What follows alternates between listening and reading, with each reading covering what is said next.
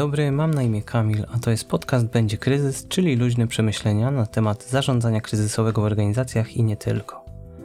W dzisiejszym odcinku chciałbym powrócić do tematu aktualnie panującej pandemii i pochylić się nad COVID-19 po raz kolejny, porównać go do epidemii świńskiej grypy i SARS i zastanowić się troszkę, co będzie w przyszłości, jak to wszystko się skończy, czy świat się zmieni z naszej perspektywy i tak dalej.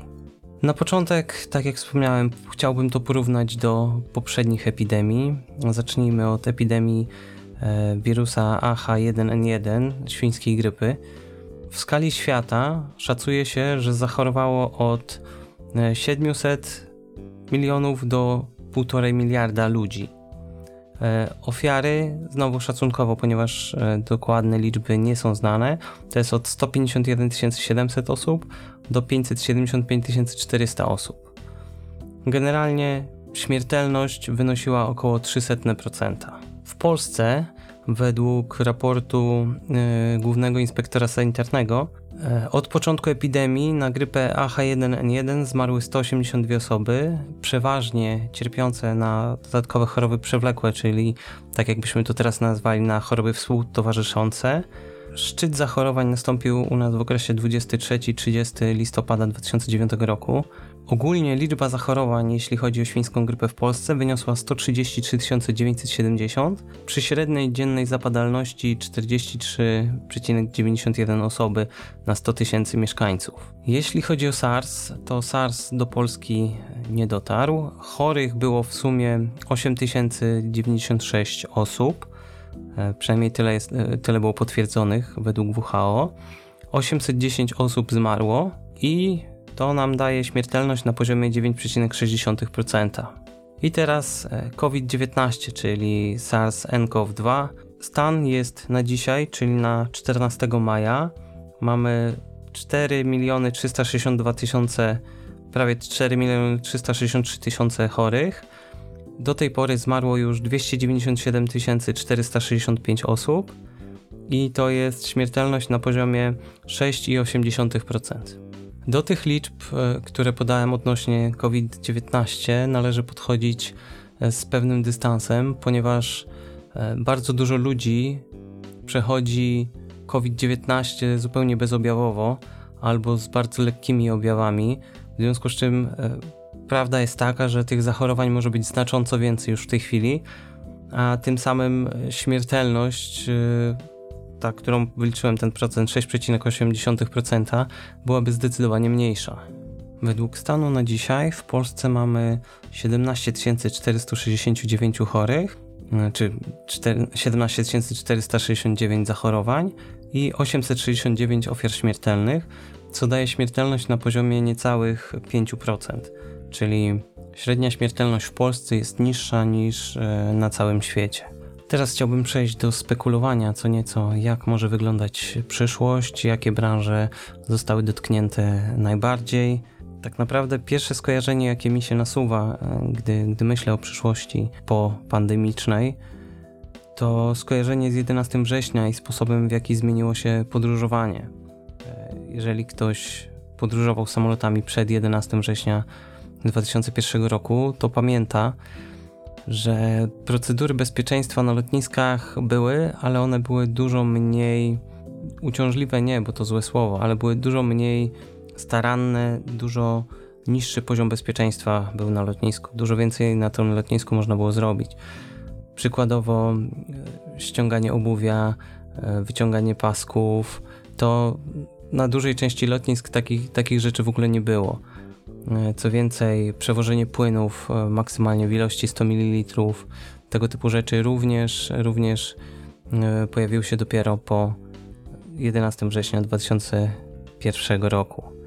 No właśnie, jakie branże zostały dotknięte najbardziej przez COVID-19? Tak naprawdę wszystkie branże, które wymagają kontaktu z ludźmi, zostały dotknięte. W tej chwili w ogóle całe życie, ale weźmy na przykład w, całą, całą branżę, całą gałąź gospodarki związaną z organizacją eventów, e, różnych zdarzeń, e, koncerty, spotkania biznesowe, konferencje. E, te, ta branża została dotknięta najmocniej przez COVID-19. W tej chwili tak naprawdę duży, w dużej mierze zmienił się sposób funkcjonowania tych przedsiębiorstw, ponieważ ci, którzy byli szybcy, przenieśli się na tyle, na ile mogli w świat wirtualny i organizują wydarzenia w internecie, konferencje, webinary, tego typu rzeczy. Zapewniają infrastrukturę, czy to własną, czy e, wypożyczoną w cudzysłowie. W cudzysłowie wszystkie działania, wszystkie branże związane ze sportem e, bardzo mocno dostały, ponieważ większość zawodów sportowych została odwołana. E, w Polsce dotyka to naprawdę wielu firm. Miały być przecież Mistrzostwa Świata w półmaratonie w Gdyni organizowane w marcu. Zostały przesunięte niby na jesień, ale tak naprawdę nie wiadomo, czy, czy tej jesieni coś się wydarzy, czy będzie kolejne przesunięcie na kolejny rok może. Wszystko zależy od tego, jak to się będzie układało. Tak samo na przykład branża związana z ze sportem mi bliskim, czyli z triatlonem, z duatlonem, e, sporty wytrzymałościowe, długodystansowe też firmy musiały po, poprzenosić, poodwoływać. Część e, firm, część organizatorów przełożyła zawody na jesień, czy bliżej jesieni. Część e, zawodów została po prostu przełożona na rok kolejny, część została odwołana i pieniądze zostały zwrócone lub nie do końca pojawiła się akcja, wystartuje później, zresztą bardzo fajna akcja, która daje szansę organizatorom zawodów na przetrwanie w tych ciężkich czasach. I tak jak powiedziałem na początku, no warto się zastanowić, na ile zmieni się mm, cała nasza rzeczywistość w czasach postpandemicznych. Generalnie mam wrażenie, bazując na doświadczeniach z poprzednich pandemii, np. świńskiej grypy, że z jednej strony wszystko bardzo szybko wróci do starego porządku. E, oczywiście gospodarka ucierpiała, wszędzie w prognozach pojawia się recesja, e, także no, to nie jest tak, że, że to przejdzie niezauważone. Pewnie zajmie kilka lat, żeby wrócić do poprzednich poziomów. Aczkolwiek, e, no tak jak wspomniałem, tendencja u ludzi zazwyczaj jest taka, że bardzo szybko zapominają o tym, co było złe i z jednej strony to jest dobre, ponieważ pozwala szybko wrócić do mm, tak zwanego po angielsku business as usual, czyli jakby się nic nie stało, ale z drugiej strony znowu opuszczamy gardę i w przypadku kolejnej pandemii, kolejnej epidemii jakiejś choroby e, popełnimy te same błędy. I tego niestety należy się obawiać. Właśnie ten świat postpandemiczny może być z jednej strony inny, na pewno będzie tak, że ludzie dość długo będą dochodzili do siebie po e, wszystkich tych zdarzeniach, które miały miejsce. Już w tej chwili wiem z dobrego źródła, że są problemy, że ludzie mają problemy psychiczne, żeby sobie poradzić z tym zamknięciem, z tym, co się dzieje w tej chwili, z tym nieustającym lękiem na to, co to będzie, jeśli ja też zachoruję i co będzie, jeśli ja zachoruję i nie przeżyję. Także można się spodziewać bardzo dużej fali e, problemów psychicznych u ludzi związanych ze stresem pourazowym, z angielska zwanego PTSD, Post Traumatic Stress Disorder. Jedno, co jest pewne, to jak skończy się pandemia, będziemy mieli wysyp wszelkiego, wszelkiej maści imprez kulturalnych, czy to koncertów, czy teatrów, e, czy przedstawień teatralnych, czy musicali. Ludzie nie wiadomo właśnie. I tutaj trochę się zakopućkałem, ale generalnie zmierzam do tego, że nie wiadomo jak to się skończy dla branży kinowej, ponieważ bardzo różne możliwości w tej chwili są oglądania wszystkiego w domu. Co prawda wyjście do kina to zawsze trochę jednak inne doświadczenie niż obejrzenie filmu w domu, szczególnie dla ludzi, którzy nie mają jakiegoś super systemu audio i, i możliwości właśnie zorganizowania sobie takiego kina w domu ale ciekawe jest to, jak to będzie wyglądało. Co prawda, branża e, rozrywkowa, koncerty maści wszelakie odbywające się na Facebooku i innych platformach mają miejsce, ale z drugiej strony jednak sam wysłuchałem kilku takich koncertów i uważam, że to nie jest to samo, co pójście na koncert na żywo, na gdzie jest interakcja z artystą, gdzie e, jest interakcja z innymi ludźmi, w związku z czym akurat tutaj, tutaj nie sądzę, żeby były jakieś problemy z powrotem do normalności. Z drugiej strony, tak jak mówię, do kina nie wiem, czy, czy ludzie tak chętnie wrócą do sal kinowych, mm, czy, czy to będzie takie, taki prosty powrót. Jedna rzecz, która na pewno, e, której na pewno się nauczyliśmy mm, w trakcie tej pandemii, to to, że praca zdalna ma sens i jest możliwa w bardzo wielu branżach, gdzie czasami wydawało się, że takiej możliwości w ogóle nie ma. W tej chwili, szczególnie na początku wprowadzonych ograniczeń, bardzo dużo ludzi zaczęło pracować z domu.